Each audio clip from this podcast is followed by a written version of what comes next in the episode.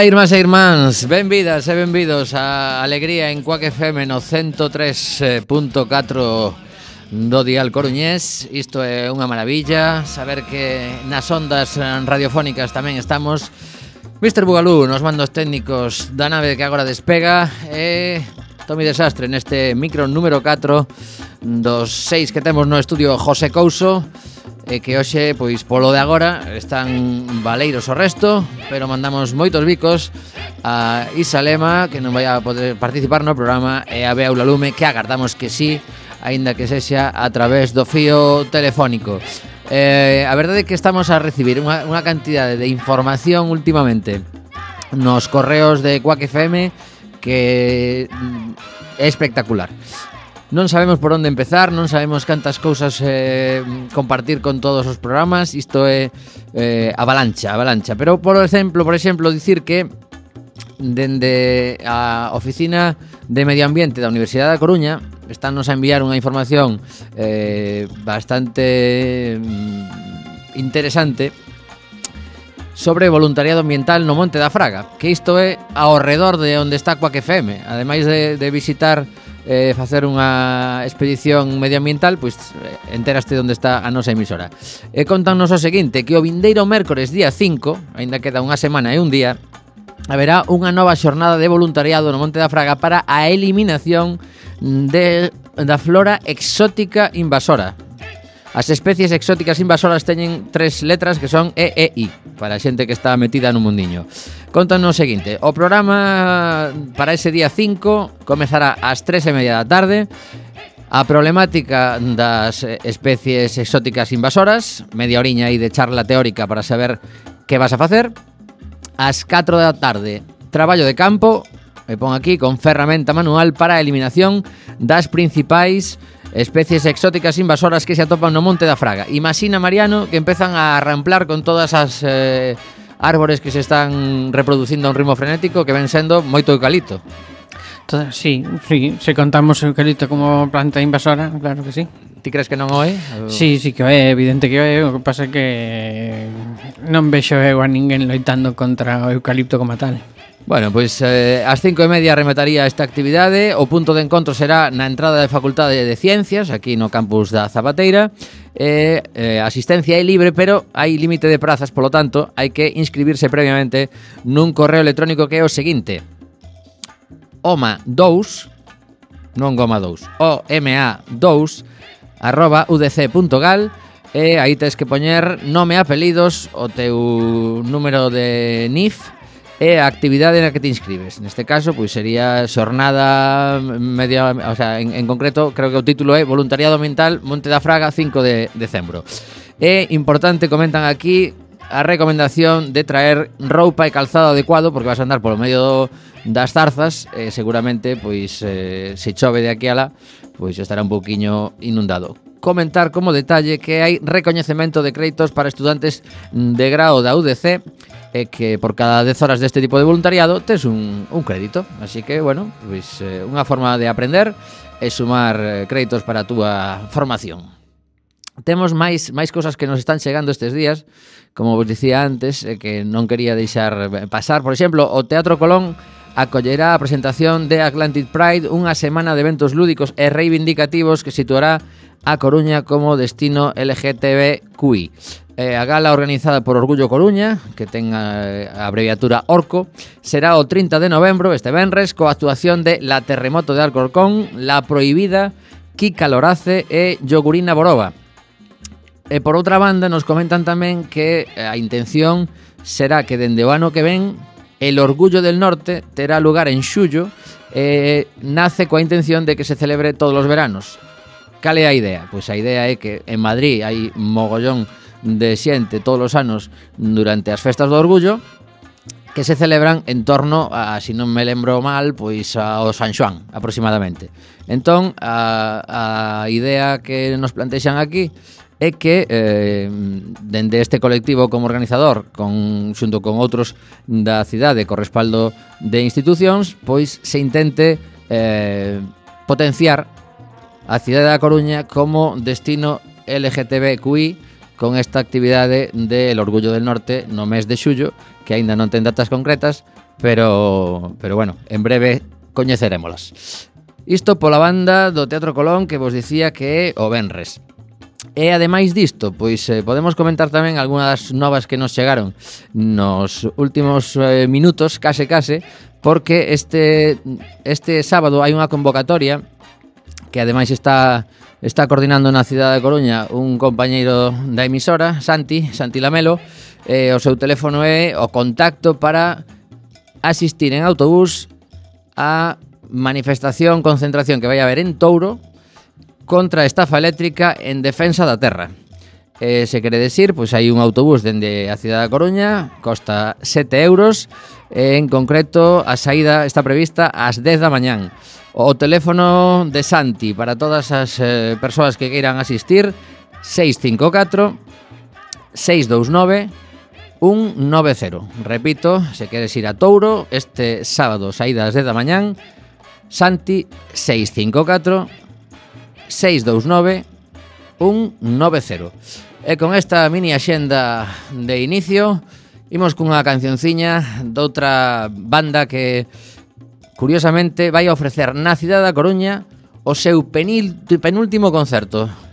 Despois de 55 anos de carreira, chegan ao final, deciden que xa non dan para moito máis, Ali quedan dous compoñentes do ano 1963, Phil May, cantante, e Dick Taylor, guitarrista, chámanse The Pretty Things, estarán na sala Mardi Gras, as entradas a piques de esgotarse, eh, así soaban alá polos anos 60 estes rapaces que comezaron escoitando blues cos Rolling Stones.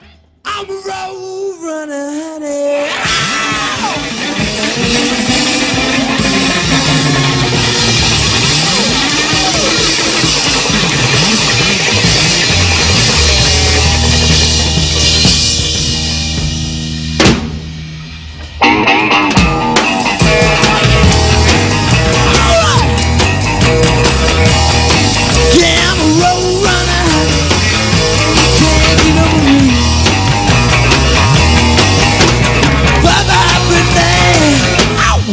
Yeah,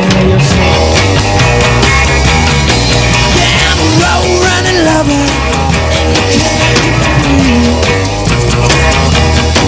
Yeah, I'm a road running lover, and you can't keep me. Bye bye, Deny yourself. Ah!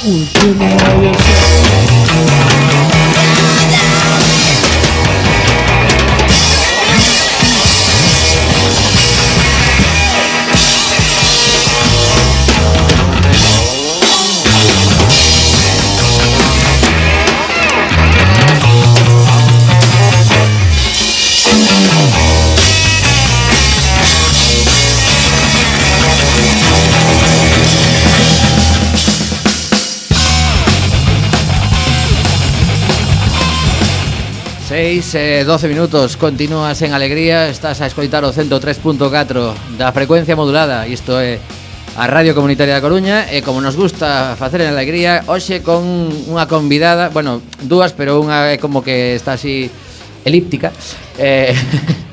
eh, no estudio, porque isto Teremos unha chamada telefónica máis tarde, pero agora mesmo sí que temos a, a unha persoa co que tiñamos moitas ganas de falar. Hola, Laura, que tal? Hola, boa tarde. Bueno, pois Laura é unha desas mulleres que leva o sorriso posto todo o día, así da gusto. Eh, o teu segundo apelido, Laura Rey Pasandín, iso de onde ven? Eh, pois a verdade é que non che podo... Nunca investigaches de onde ven o teu Algo apelido. hai por aí de pasante, de pasante de mercancías, Ajá. Espera, pero vale. Move un poquinho máis o micro, así, hai, cara hai diversas teorías. Así, vale. E somos moi poucos. Claro, claro, por eso me chamou a atención, porque no meu apelido tamén hai por esta zona casi ningún, así que quería, quería saber se si investigaras un pouquiño, porque ti de onde ves? Eu veño de Oleiros e Betanzos. Ajá. O de Pasendín ven de Pravio. Ajá. Bueno, pois eh, Laura resulta que levaba moitos anos aí facendo a, a súa vida de estudante, despois de currante, pero polo medio escribía. Uh -huh. Estiven a investigar moi pouquiño, porque eu veño moitas veces as entrevistas case case na cabeza dun ointe, porque me parece importante seguir rascando durante a charla que teñamos. Eh, iso de escribir empezou cando eras moi pequeniña? Dende nena. Dende Ajá. os 6, 7 anos xa xa comecei. Vale. Iso mm, cando chegabas coas redaccións ao cole, as profes dicían, pero esta lle dicían a túa nai ou quen fose, dicía, esta, esta rapaza ten, ten madeira, eh? Non, a verdade é que non. non. De feito, unha vez, bueno, morreume un primo cando era pequena, Eh, tería nove anos e eh, levei un poema feito en homenaxe ao meu primo e eh, rachoumo e tiroumo a... Que dis? Sí, sí. Entón non lle volvín a ensinar nada máis a ningún mestre hasta pasado moito tempo. Caramba, iso é unha experiencia traumática. Traumática, total, así me costa ensinar o que escribo e, e sacarme pa fora, sí, moito. Caramba.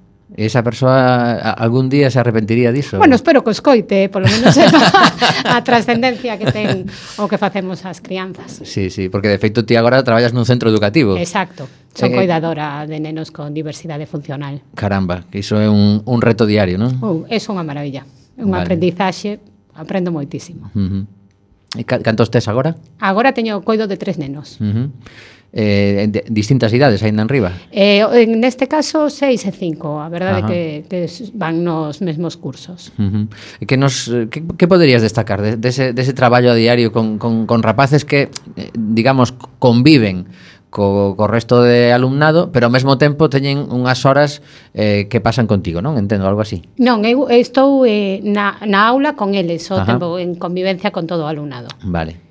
E a verdade é que facemos máis as diferencias os adultos cos nenos. Os nenos uh -huh. non, non teñen eso, non ven esas diferencias respetan a todo o mundo como é. Ah, bueno, pois pues mira. Temos moito que aprender das crianzas, a verdade. Pois sí, a verdade é que moitas veces que os escoitas ese día que os deixan entrar nos parlamentos ou que van a un pleno eh, e dan unhas leccións espectaculares, así que seguro que esa, esas leccións que vivides dentro dos centros día a día, pois son as que dan forza para, para levantarse moitas veces porque escoitamos cada, cada nova fora da nosa, da nosa vida cotía, pero quería retomar o tema da, da escritura porque sí. evidentemente eh, un un dos motivos que, que fai que, que Laura este aquí connosco é que este xoves ten unha expedición a, a Carballo, porque uh -huh. o, o mundo da literatura, unha vez que publicas algo, pois eh, parte dese, dese mm, proceso é achegarse aos lectores e ás lectoras eh, pois, eh, onde te chaman.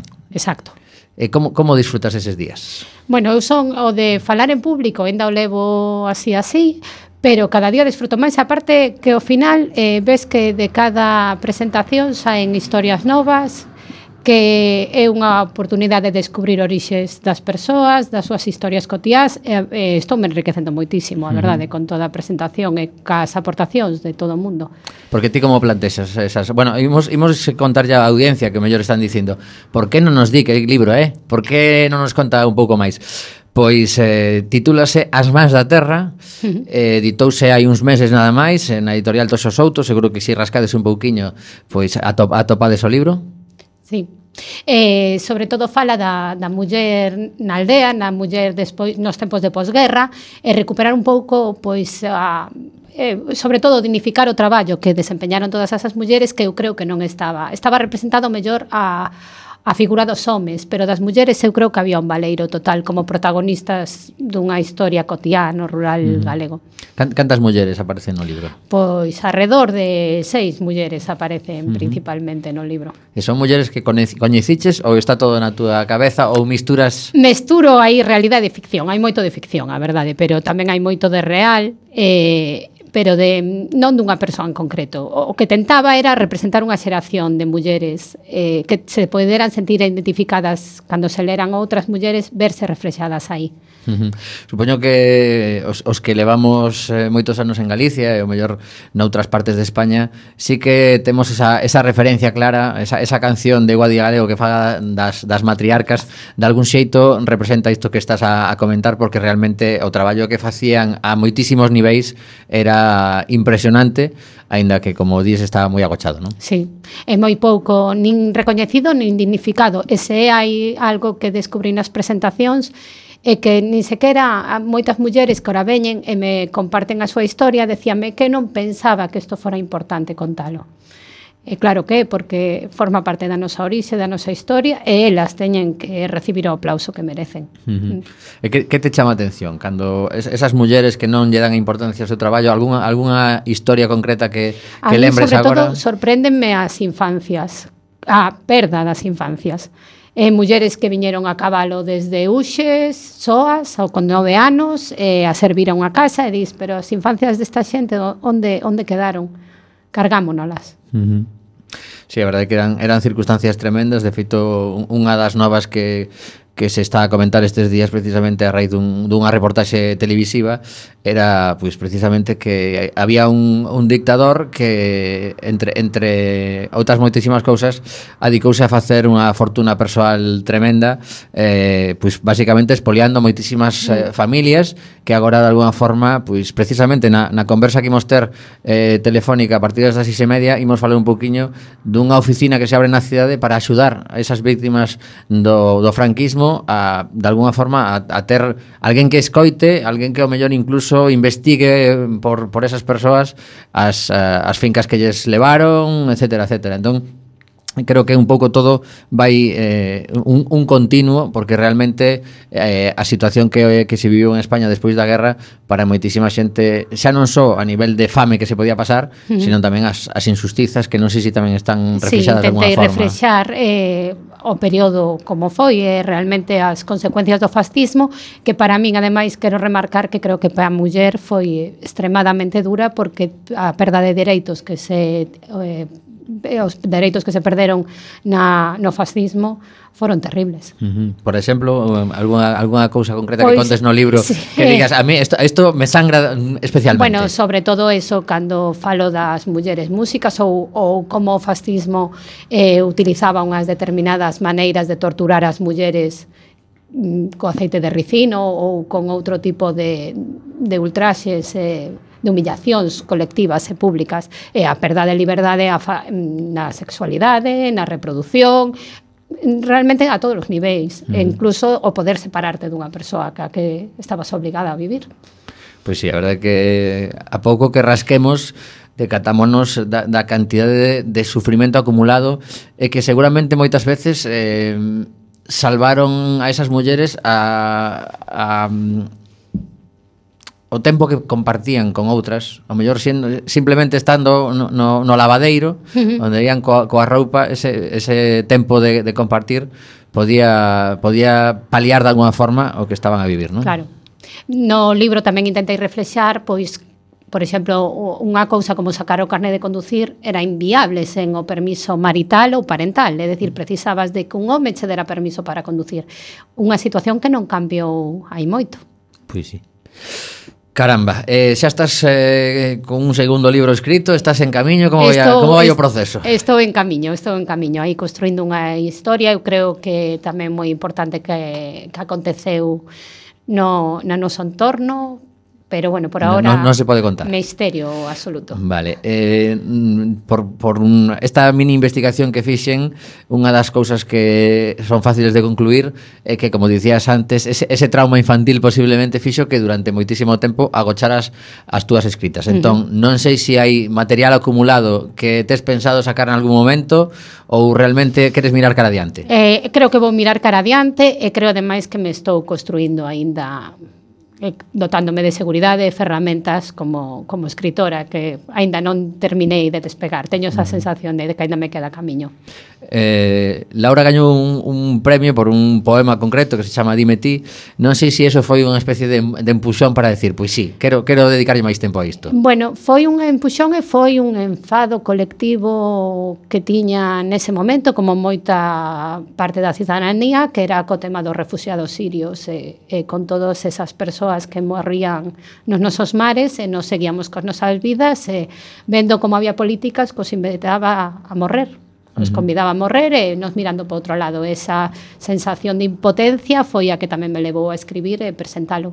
Uh -huh. O sea que neste, neste caso foi algo que, que non, non sei se si o, o premio estaba antes, o sea, estaba convocado cando escribiches ou como foi o No, pois, pois foi unha cousa un pouco simultánea, o poema escribino si escribín Pero varios. Pero ia, ia quedar na túa casa. Claro, eh cando se convocou o premio, ademais era un premio que non era dotado economicamente, que non era o factor, máis ben era unha cousa de mover conciencia, máis que o que me movía.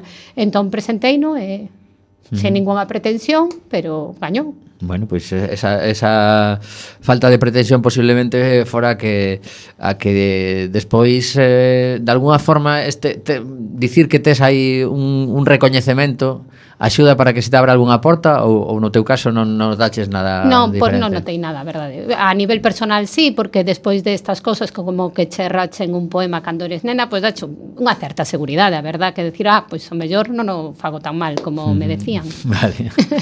Pero eh, esa... Eh, esa eh, experiencia traumática non fixo que deixaras de escribir. Ti, no, na, no, ti na no. túa casa seguías sí, escribindo. Sí, exacto, exacto. E que te pedía o corpo? Que, que, que historias contabas ali dentro da túa habitación? Ui, teño de todo, pero móveme moito a, a ir en contra da injustiza social. Eh, eso creo que é un, un referente na miña escrita. Uh -huh. Que ta, de alguna forma tamén os teus estudos sí, eh, supoño que, que te marcaron esa, sí, esa sí, sí. rebeldía de alguna forma. eh, te sentías comprendida no, no teu grupo de amigas, por exemplo, era, era algo que compartías con elas? Sí, sí o... totalmente. Sí. Sí, cada unha o levamos por diferentes artes, eh, pero creo que todas somos temos un punto en común en ese, uh -huh. en ese eido. Esta semana precisamente en Coac FM hai un, uns cantos programas que adican tempo a, a precisamente este, este 25N que que onte, antonte pois eh, de alguna forma reivindicaba que esta sociedade ten que mentalizarse de que hai moito que cambiar aínda. E, e por todo o que nos estás a contar pois supoño que, que de alguna forma o tes moi presente tamén.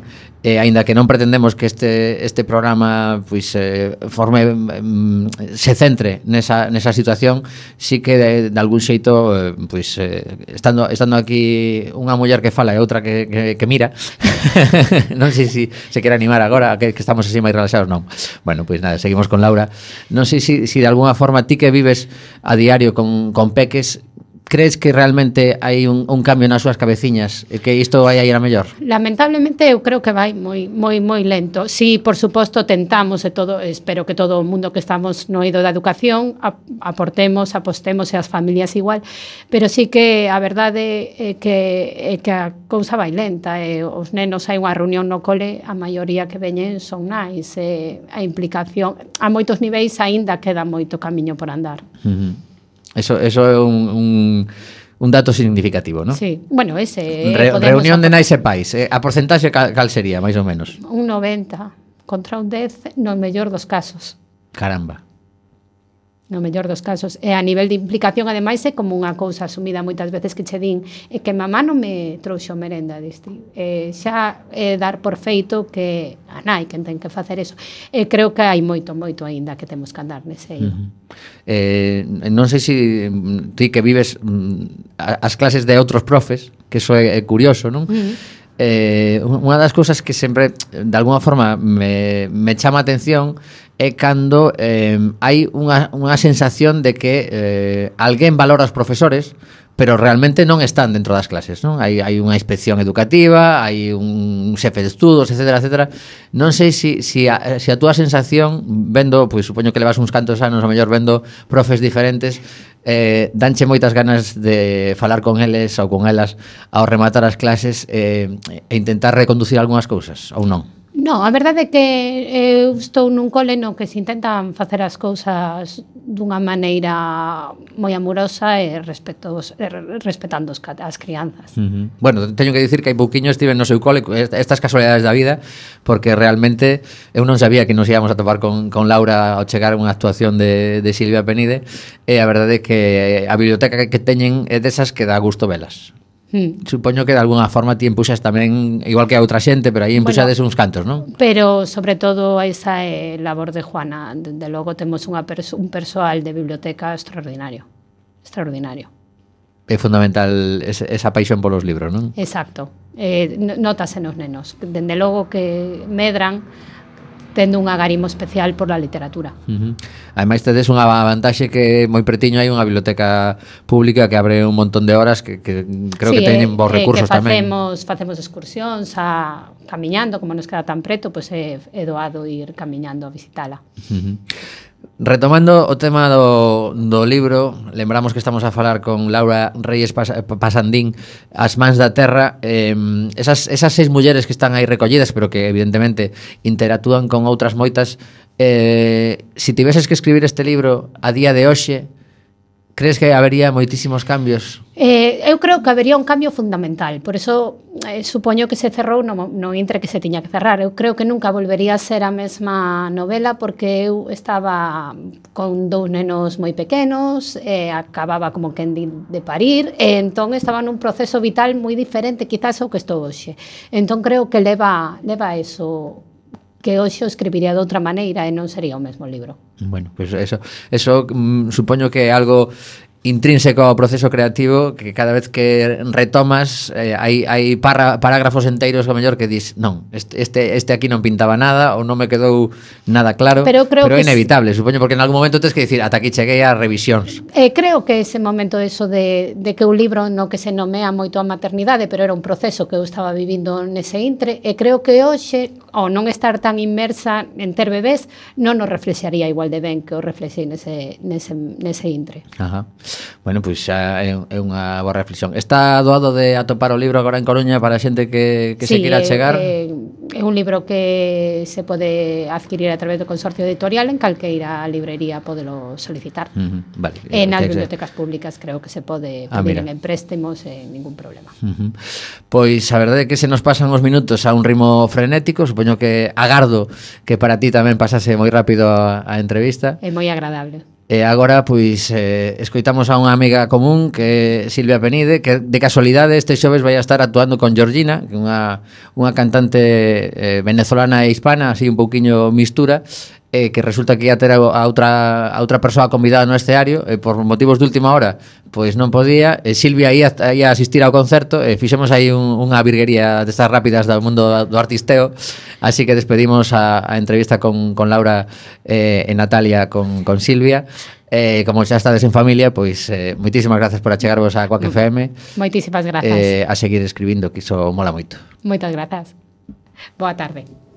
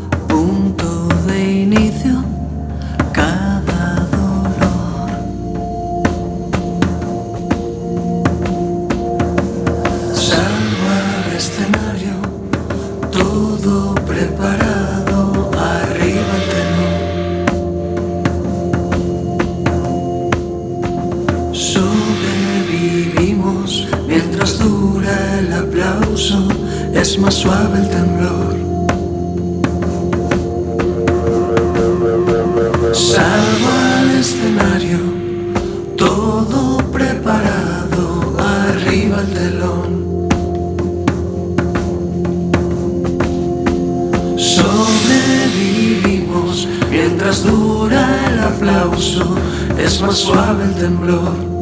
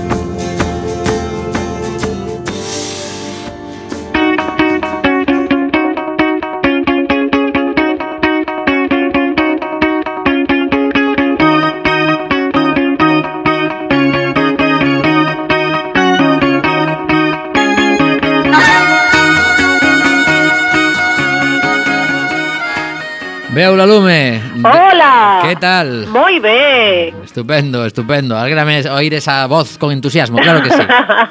bueno, non sei se escoitaches a barbaridade última de tu, o teu amigo Donald Trump. Ah, se, o, o meu mellor amigo, tomamos o café todos os xoves. Home, claro, pois pues, eh, xa sabes que está encantado con ese informe brutal que lle presentaron os expertos en cambio climático, uh -huh. que as súas catro palabras foron no me lo creo. Uh -huh. E se quedou tan ancho. No, sí, sí, eh, xa, xa falábamos hai un par de semanas que, que acabou aceptando que existe o cambio climático pero que basicamente dixo que eh, pero non vou ir contra os intereses dos Estados Unidos. Ou sexa, a traducción eh, aos Estados Unidos mm, hai moitas empresas que lles va moi ben contaminando a distro e sinistro e bueno, pois que é un pouco que lle imos facer? Shit happens.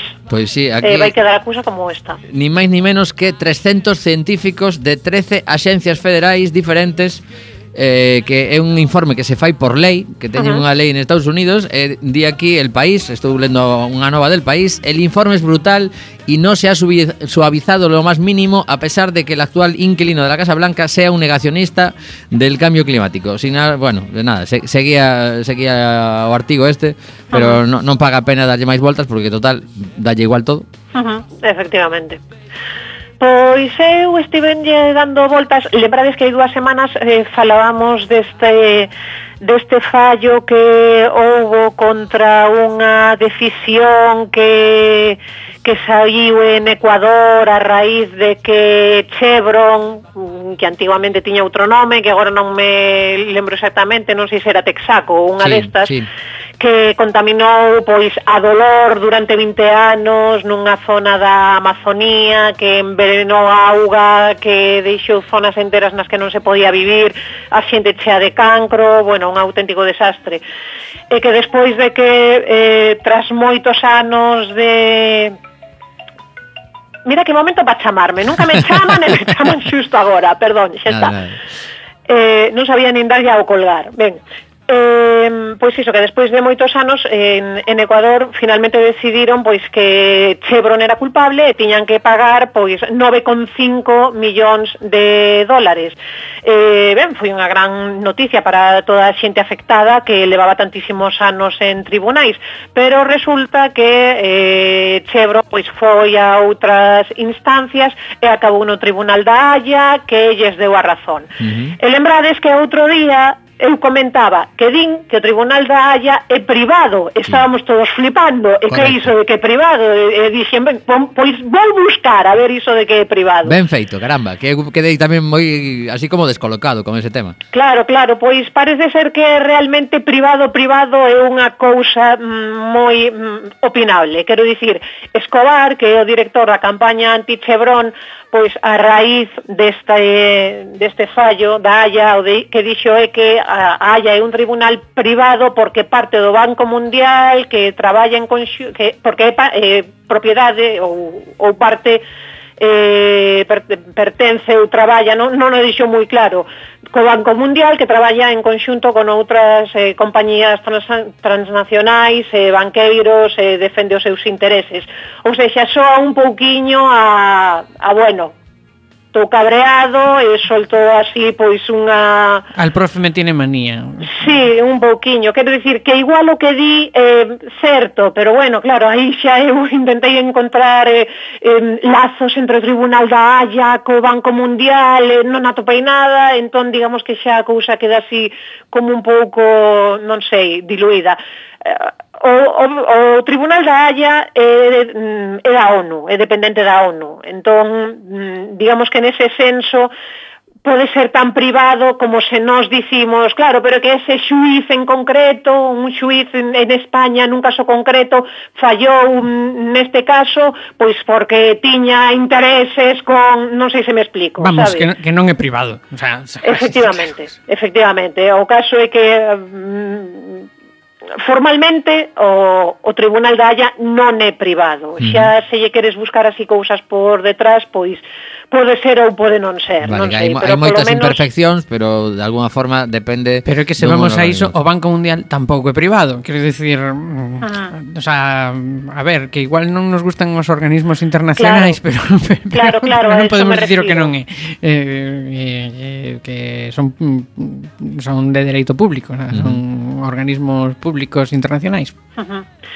Eh, a maiores diso, ademais, atopei outra razón que desgraciadamente lle quita eh, lle quita tamén a razón a, a loita que tiña Ecuador e que resulta que Eh, en 1998 o bueno, Ecuador, o, o executivo que estaba nese momento eh, en Ecuador firmou que Chevron xa limpara todo, que xa o deixara todo limpo e recollido, tal e como se exixía pois, nos tratados que fixeran inicialmente. Por suposto, non era certo, eh, o presidente que había nese momento era Yamil Mawad, que, bueno, tiña moita política neoliberal, apoiaba compañías transnacionais, eh, deixou a economía ecuatoriana en puro colapso, de, de feito foi deposto nun levantamento, Pero a merda é que o firmou, entón iso tampouco axuda.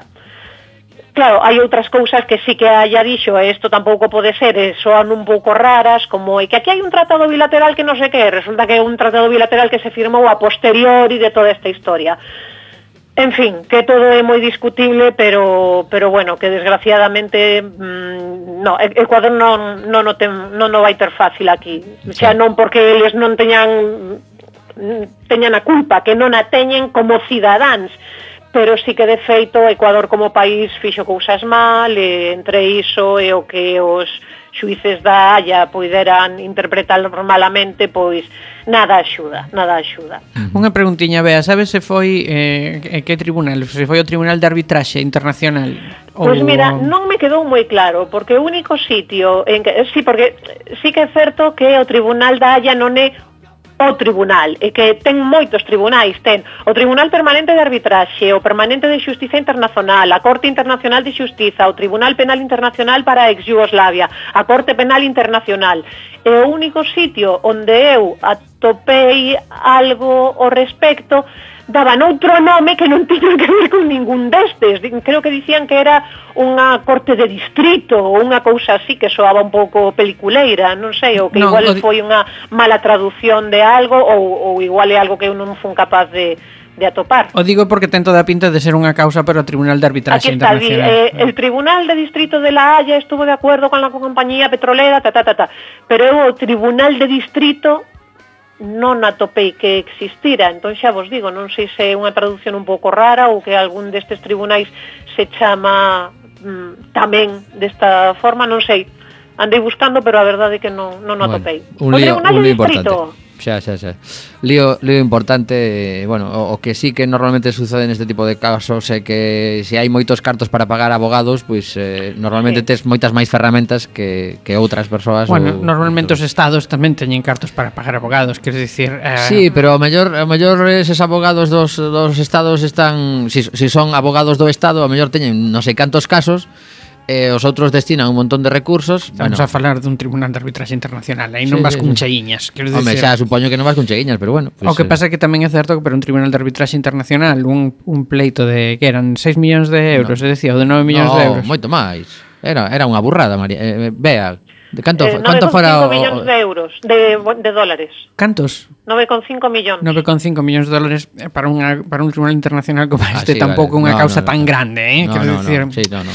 Claro, nos parece unha barbaridade, pero o do, o do Prestige, para que vos fagamos unha idea, sí, é bastante no, no. máis grande. Moitísimo máis. Moitísimo máis grande. Sí, sí, entón, sí. Uh, bueno... Vale, vale. Para eles é un para, para ese, a nivel de actividade deses órganos sí. é como bah, bah, bah, esto, calderilla, calderilla, sí, básicamente. Just. Bueno, Mira, Bea, non sei se tes algunha cousiña máis por aí. Eh, no, estou vendo a reportaxe esa ta de, da que saquei o do Tribunal do Distrito e de feito vi que eh, fixouse unha compensación de 9,5 millardos de dólares. Así que igual sí que algunhas das traduccións son un pouco extrañas. Bueno, pois pues nada. Eh, claro, porque non é o mesmo un millar que un millardo, eh? Uh -huh. O sea, a ver se estamos... Millardo con M. Millardo con M. Aí va. Pois non sei, aí xa porque eu, eu sabía que os, os billóns eh, europeos e os billóns eh, de Estados Unidos un son sí, sí, sí, pero que un millardo millón de millóns, eu sempre o escoitara que un, como unha palabra así como de coña. Non, é que pero... un millardo son mil millóns, eh. O sea, xa que a ver o sea, de que, que estamos, estamos falando de, de, de, de 9.500 claro. millóns de dólares. Poden ser 9.500 pues aquí pon millóns. 9,5 millardos. Claro, pois pues son vale. 9.500 millóns de dólares. Cambia ah. o conto, carallo. Que a cousa cambia. Sí, entón xa sí, non é pequeno. Entón xa, xa subimos por riba do Prestige, eh? porque outro era non sei se eran 2.000 millóns, unha cousa así. Xa non é, xa non é calderilla, xa pasa a ser unha cantidade interesante. Uh -huh. Canto menos para que Ecuador se, se empeñe vale. un pouquiño e meta recursos. Vale, vale, un vale. Vale. Bueno, pois pues, eh, continuará a historia esta e a ver se se algún día pues, as, os, os que teñen, digamos, menos menos posibilidades de loitar acaban gañando como foi pues, na, algún outro caso que, que sabemos por aí. Uh -huh. Eh, temos aí pendente a, a conversa co, co Concelleiro de Culturas Que non sabemos se si nos vai poder atender Pero, mentres tanto, Bea, se si te parece, seguimos comentando contigo a, Sí, vos intentade, porque o que teño logo eh, varias noticias moi pequeniñas Entón podo cortar en calquera momento, se queredes mentras Pois, pois vai, vai nos contando con... algunha desas Mentras Mariano vai chamando Pois, pues... agora contovos, por exemplo, que teremos a primeira cidade solar de España. Chamarase Nivalis eh, o obxectivo deste proxecto é conseguir neutralizar todas as emisións de CO2. Estará situada na confluencia entre Granada, Serra Nevada e o Mediterráneo andaluz. Eh, eh, bueno, eh, como vos dixen, o, o obxectivo é non xerar emisións de CO2 e será grazas a un modelo de xestión e explotación de enerxías renovables uh -huh. para cubrir a totalidade da demanda enerxética que, con enerxías renovables decidiuse, tras estudiar a zona, utilizar sobre todo tecnoloxía fotovoltaica mm, que, bueno, que sorpresa, non? en Granada, oh, tecnoloxía fotovoltaica, eh, complementarase con enerxía xeotérmica tamén. Temos a Sandra ou sigo un pouquiño? Eh, eh, creo que está Mariano agora mesmo contactando con el, uh -huh. pero, pero quédate con nosco, quédate con nosco así despedimos o programa xuntos, te parece? Bueno, vale. Veña. Pois agora sí, agora sí temos eh, no fío telefónico a José Manuel Sande. Hola, boa tarde que tal? Moi boa tarde, pois mira, pois nós aquí eh, con, con gañas de saber un pouquiño máis sobre esa oficina que, que se abría esta mesma semana de atención ás vítimas da, da represión franquista, ni máis ni menos. Eso a, a min, polo menos particularmente, pareceme algo moi importante. Non sei se si, si precisamente nese acto de presentación que había catro mulleres precisamente, elas tamén recalcaban a importancia deste, deste feito, non? Sí, sí, eu creo que aí estaba o reconhecimento da memoria, as ideas non que sempre falamos, e poden ser palabras así moi elevadas, non? justiza, verdade, liberdade, reparación e demais, pero eu creo que, bueno, que efectivamente non primeira oficina en Galicia, ademais eu creo que algo que casi diríamos bidireccional, no sentido de que tanto vai servir para aportar información como para darlla, non? A aquelas persoas que visiten a oficina, que vai ter ademais unha ubicación física, non? Na propia Casa Museo de Salvador, unha oficina real, material e que creo que, bueno, é importante mm, que se, se, que se avance, eu creo que vai vincular, non? Moitas cuestións que, que Te, te escoitamos, eh, perdona José Manuel, te escoitamos sí. bastante regular, non sei se estás nun sitio aí con, con mala cobertura, se te podes Bueno, gracias, agora estou pola, pola sí. rúa. Ah, vale, agora, agora mellor, agora mellor. Sí, Sí, porque pero- queres algo, máis alto. Vale, Vale, que, que te estás movendo moito ou é unha impresión nosa? Sí, estou movendo, pero hai, hai vento. Ah, vale, vale, claro, xuntanse as... Vale. Sí. Eh, sí, que a verdade é que en, en, xa simplemente o feito de que, de que esas persoas sexan atendidas nunha, nunha casa museo como a de Casades Quiroga, que a verdade é que é un, un digamos, un, un referente no, na, na, na República, realmente entrar ali de alguna forma impresiona eh, e supoño que, que tamén algo a, a valorar, non? Sí, tivos en conta desde o inicio esa capacidade simbólica do lugar, bueno, eu creo que, vamos, era o máis acaído, e como digo, vai ter todo un complemento, ademais, saben, de investigación, de documentación, de poder seguir profundizando realmente no que, bueno, a través da guerra, as súas consecuencias, a propia represión da dictadura, e por que decir, tamén, eh, cuestións posteriores, non? que pode haber tamén de represión política, eu creo que suficiente atención ás víctimas debe, debe englobar, digamos, non todo todas as desfeitas, dramas e tragedias, non tamén acontecidas e, e que, bueno, que segundo parece, non? Moitas declaracións e actuacións recentes, pois non parece tampouco unha ferida xa nada de todo. Né? Efectivamente. Supoño que unha das, das pezas claves é, eh, vale, atendemos as víctimas, pero unha vez que temos ali unha, unha vamos a chamarlle unha reclamación ou algunha persoa que está buscando pois eh, documentación ou incluso persoas que aínda non apareceron que están en algunha foxa común, non sei se si, si está previsto algún tipo de, de procedimento posterior para poder axudar a esa xente. Unha vez atendida, como a axudamos? Sí, sí, aí entra, creo que, que é importante, non, non é un proxecto meramente institucional, senón que entra a sociedade civil, a Comisión de Recuperación da Memoria Histórica e as entidades que, bueno, que levan tempo e que foron en boa medida, as que tiraron, digamos, de toda esta, de toda esta vertente, non, de, afortunadamente, de reclamación e de posta en valor, non, de da memoria, e que creo que son os que, bueno, que, que tamén van a axudar, non, nesa parte, pois, máis de, de atención tamén, non, psicolóxica, e, e ter en conta, pois, outros moitos componentes das despois aspecto humano eh, absolutamente clave non para tamén conducir este tío que evidentemente eh, se complementa moi ben con toda esa parte máis de corte académico, non, de investigación, documentación e que ten ese soporte de cátedra de memoria histórica, non, tal como se, se denominou. Entón, eu creo que aquí, bueno, se, se vinculan determinadas cousas que efectivamente requieren procedimentos tamén eh, moi moi delicados, non, con uh moito tacto, porque, bueno, que pasaran algúns dos acontecimentos hai moito tempo non quere dicir que non sigan causando a mesma dor ou máis. Eh, eh, quen é a, a institución responsable de, de, de alguna forma, eh, nomear a persoa que vai estar atendendo? Eh, a universidade ou o Concello? Como foi ese proceso? Eh, no sentido, houve aí un, bueno, creo que un equilibrio armónico a universidade e as entidades de memoria van, son os que van a, a responsabilizarse desa atención directa e o Concello, digamos que acolle nesa casa museo, non? nese recinto municipal eh, a, a estas persoas, vamos, e, e a oficina físicamente. E logo, bueno, hai pues, un traballo, un grupo de traballo no que están representados todos, de algún modo. Pero efectivamente a oficina en sí, as persoas de atención vai ser un responsable da universidade e, e canto menos eh, en primeiros tempos unha persoa, logo poderán uh -huh. turnarse ou ser máis, pero vinculadas a, a entidades eh, e asociacións que traballan sobre a memoria de anos.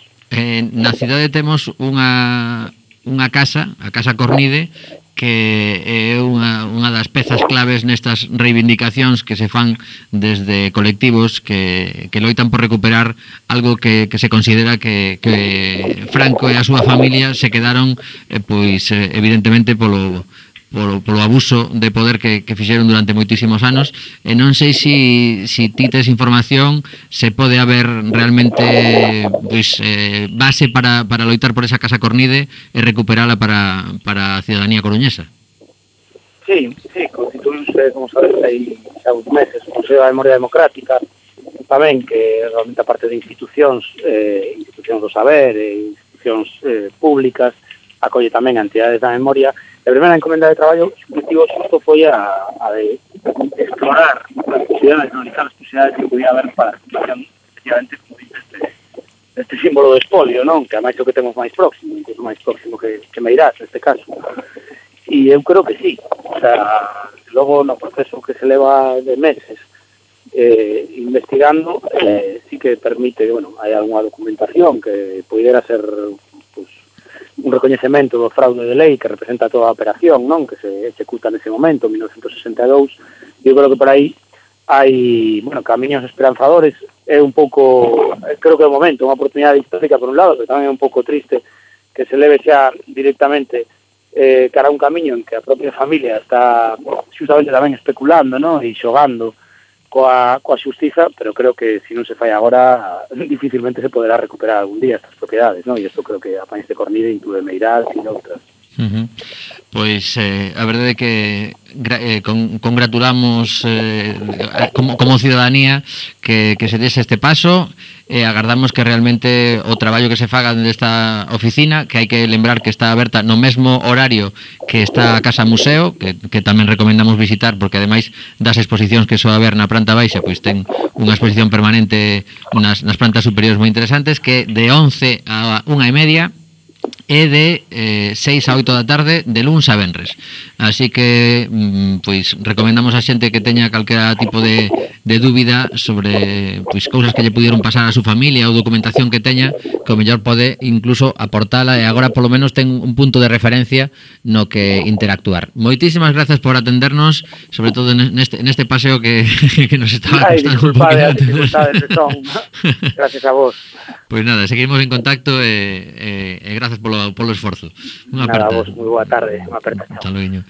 Bueno, pois pues, eh, veo la lume que sigue aí nestes últimos minutos de programa eh, A verdade é que, mm, da, de alguna forma, saber que se dan pasos mm, de, Sobre todo Sande Sí, sí, este, este, este home non, non sei por onde andaba Pero a verdade é que, que foi un, unha conversa complicada eh, Agora, mira que, mira que, me, que te escoita a ti Que estás aí tranquiliña na casa eh, Bueno, non sei como Como ves ti este, este tema da, da oficina?